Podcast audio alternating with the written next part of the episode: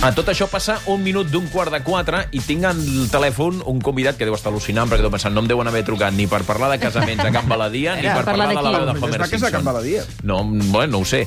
Doctor Robert Guerri, investigador en malalties infeccioses i coordinador d'hospitalització de Covid-19 a l'Hospital del Mar de Barcelona. Doctor, bona tarda. Què tal? Bona tarda, com esteu? No l'hem trucat per parlar ni de Homer Simpson ni de plantacions Encara, de marihuana al avui. Maresme. M'encanten els Simpson, eh? Vull Ah, dir, veus? Ai, parlar que de bé. Homer I Simpson. Ha vostè es va reconegut la casar a veu, Can oi? Baladia? Això no. Això no.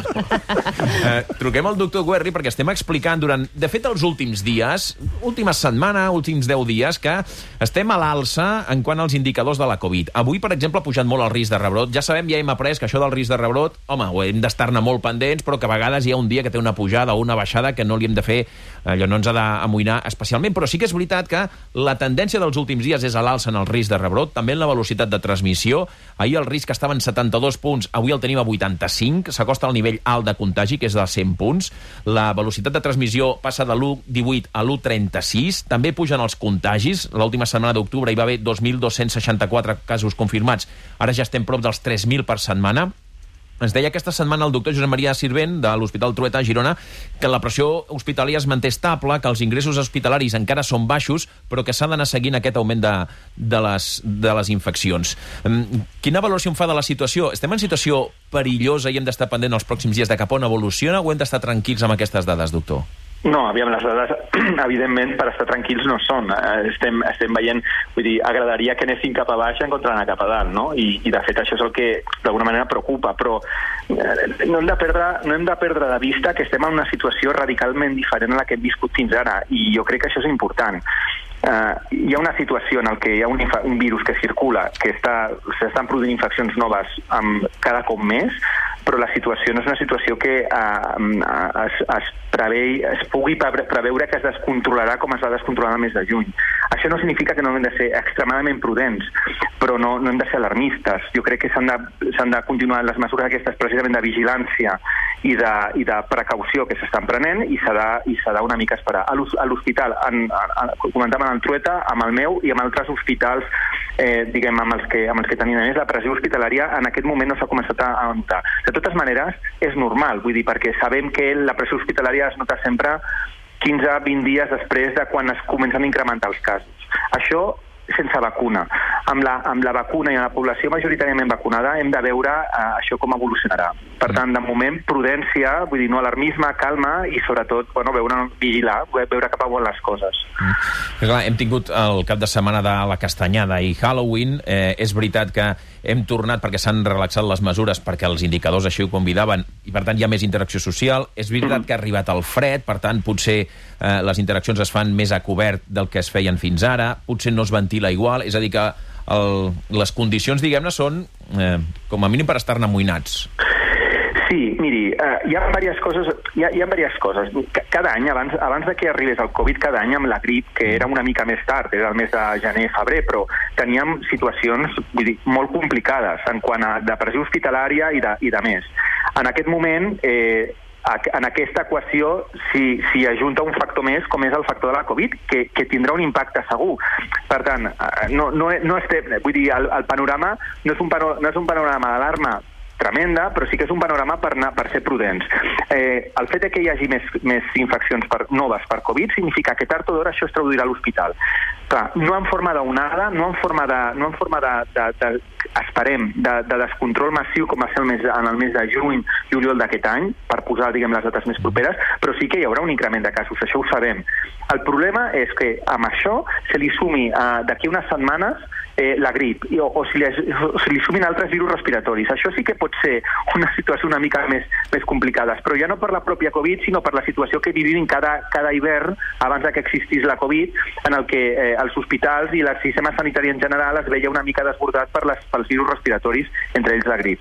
Mm. Per tant, a, a, a, aquestes properes setmanes, mesos, són mesos complicats. Cada any ho són, i aquest any hi ha un, hi ha un actor nou més, que és la Covid, i que sembla que es quedarà, vull dir que hi, ha, hi, ha, hi haurà. Per tant, hem de- hem d'estar de, preparats per això. Eh, eh, explicaven al Catalunya migdia, a l'informatiu, que en tres dies a les escoles s'ha passat de 4.300 confinades a pràcticament 6.000. Eh, la majoria de quarantenes, eh, alumnes. Eh, aquí què passa? Que no estan vacunats? Haurien de, o demanarien que es poguessin vacunar els menors de 12 anys?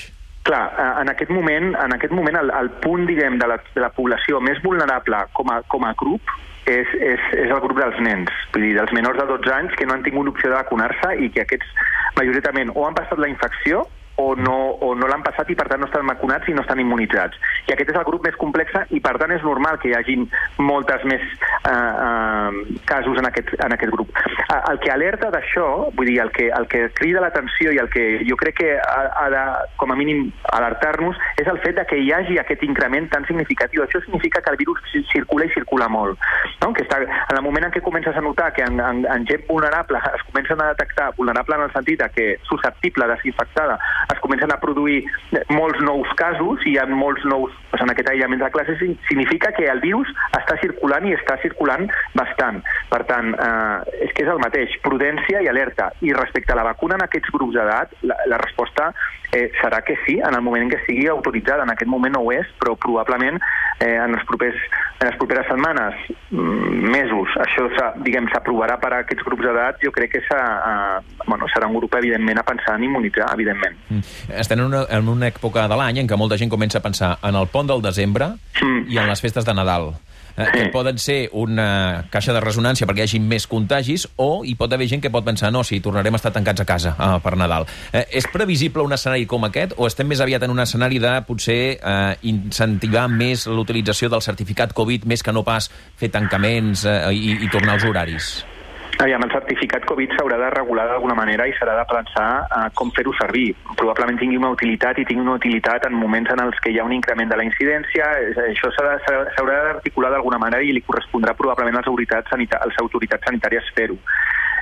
Jo crec que el certificat Covid tindrà, tindrà utilitat. Mm. De cara a la que passarà en el, en el pont de desembre, les, les festes eh, de Nadal, miri, eh, si estem majoritàriament vacunats, estarem majoritàriament protegits. I, i eh, jo, jo crec que en aquest punt en el que estem, és la gent que no estigui vacunada convindria que, que realment pensés en vacunar-se, perquè el que, el que sí que de, de tot el que estem veient, el que sí que s'ha demostrat i s'està demostrant és que la vacuna és efectiva. És a dir, en aquests últims mesos, si no haguéssim tingut vacuna, haguéssim viscut una, una situació absolutament catastròfica i no, i no ha passat. I no ha passat perquè la gent s'està vacunant i està majoritàriament vacunada en aquest moment. I Espanya és un país dels, un dels països del món que més, vacuna, que més vacunació hi ha i, de fet, és, una, és un dels països que en aquest moment la situació l'està controlant amb, amb, amb més, diguem, millor, no? Si comparem la, la taxa d'incidència d'altres països, no? Ja no parlo del Regne Unit, que estan completament oberts, sinó de França, d'Alemanya i de més, nosaltres estem aguantant, però estem aguantant en part també per la vacunació. Per tant, la vacunació és la solució. I si volem uns Nadals mínimament normals, com a mínim que ens puguem arreplegar i de més, hem d'estar vacunats, i això és fonamental. Mm. Per tant, eh, el certificat Covid jo crec que sí que té lloc, això és evident, i, i si ens volem ajuntar i volem estar tranquils al Nadal i les festes que venen, eh, la vacuna ha de ser un dels actors principals de tot això. Mm. Eh, clar, vostè sentia unes declaracions que feia a Catalunya Ràdio ahir o abans d'ahir en què deia molta gent a tot el món està pendent del que passi a Catalunya, a Espanya, perquè és un dels països que té un eh, percentatge més alt de població vacunada i, per tant, hi ha expectació entre la comunitat científica fins i tot per saber si un 80%, com el que hi ha a Catalunya, 85% a, a tot Espanya, si això és prou per aconseguir aquesta immunitat de grup o no. Eh, té aquesta sensació que està tothom vigilant a veure quina és l'evolució de la malaltia a Espanya? Jo, jo, aviam, jo crec, jo crec que una, una de les grans qüestions de, de, dins d'aquesta infecció i sobretot quan s'ha començat a les grans vacunacions i a més era a, això de la immunitat de grup, no? que al final és com una cosa etèria, perquè inicialment se'ns parlava de si quan estigui el 60% vacunat ja la tindrem. No, això ja, ja hem vist que no és veritat. Ara, per sobre del 80, doncs estem precisament...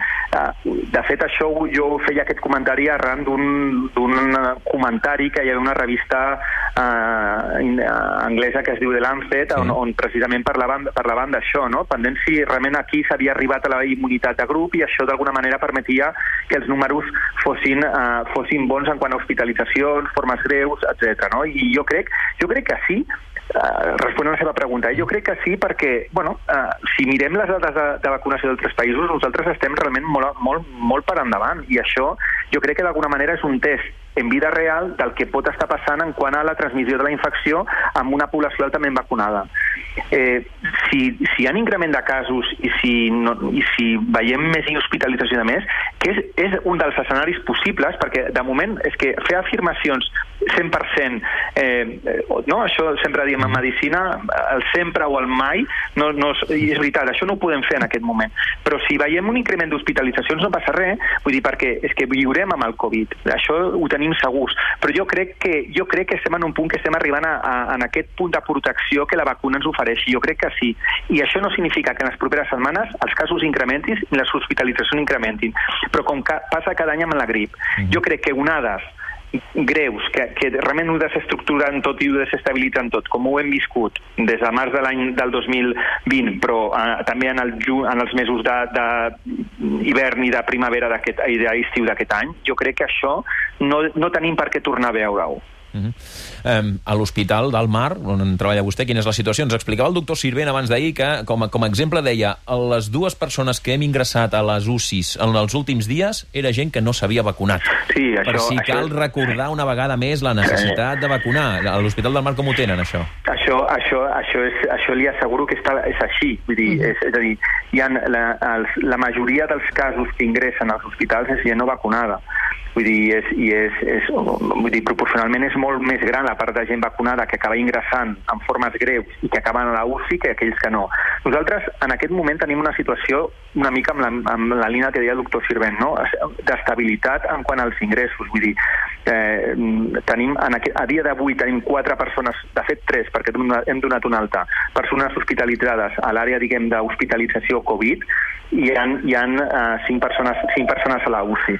Però això no, això no, això no significa que no, no, hem de, no hem de baixar la guàrdia, perquè ja li dic, les coses estan, les coses estan, estem veient una mica com evolucionarà tot i com aniran les coses en les, propers, en les properes setmanes, sobretot tenint en compte dels números que s'estan veient a la, a la, a la, a la comunitat, no? i hem d'esperar. Mm. Crec que és interessant fer incidència en això que deia, deia la majoria dels casos són gent no vacunada, però és que a més a més, si tu mires el percentatge, que ho ha dit, eh, però subratllar-ho, perquè a vegades l'argumentari és, oh, hi ha els mateixos casos no vacunats que vacunats, però clar, de població vacunada clar, no. hi ha 10.000 vegades, no 10.000, eh, però, molta, però, no, però molta, molta més sí, sí. que no de la població no vacunada, per tant, a, a títol de percentatge és moltíssima més gent la que acaben uns, sobretot a les UCIs. Això, això nosaltres ho hem, ho hem anat eh, seguint i, de fet, amb els companys del Servei d'Epidemiologia ho hem estat comprovant i estem parlant, estem parlant en aquest moment que és més del 50% de les persones que ingressen són no vacunades.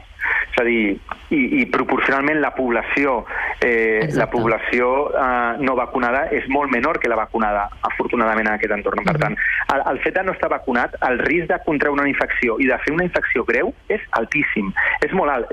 S'estimava que era 10 vegades més que les persones que estaven vacunades. Vull dir, eren moltes vegades més eh, la possibilitat d'acabar amb una UCI i de morir-se. És important, tant, eh, aquesta dada, 10 vegades més, perquè a vegades sí. és això, la, la gent fa amb els números el que vol.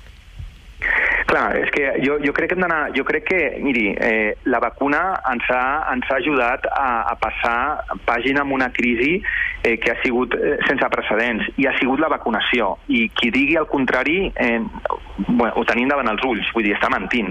La vacunació és el que soluciona això, i, la, i això ho acabem de solucionar de moment, continuen vacunant. Vull dir, i, i comentàvem, hi ha un grup de població que encara està per vacunar, que són els, els, els, la, gent, la gent més jove, que s'ha de, de valorar, i bueno, de fet ja això està encara pendent, no? però, però mentrestant hem de continuar amb les mesures d'intentar evitar la transmissió de la, de la, de la infecció. Queden 15 segons per arribar a dos quarts i el doctor Guerri ens havia demanat a dos quarts. Tinc una reunió molt important i ja us hauré de deixar. Per tant, li respectem el, el compromís nostre i la lliurem. Doctor Guerri, investigador en malalties infeccioses, coordinador d'hospitalització de Covid-19 a l'Hospital del Mar. Gràcies per atendre'ns i bona tarda. No, moltíssimes gràcies a vosaltres. Que tingueu bona tarda.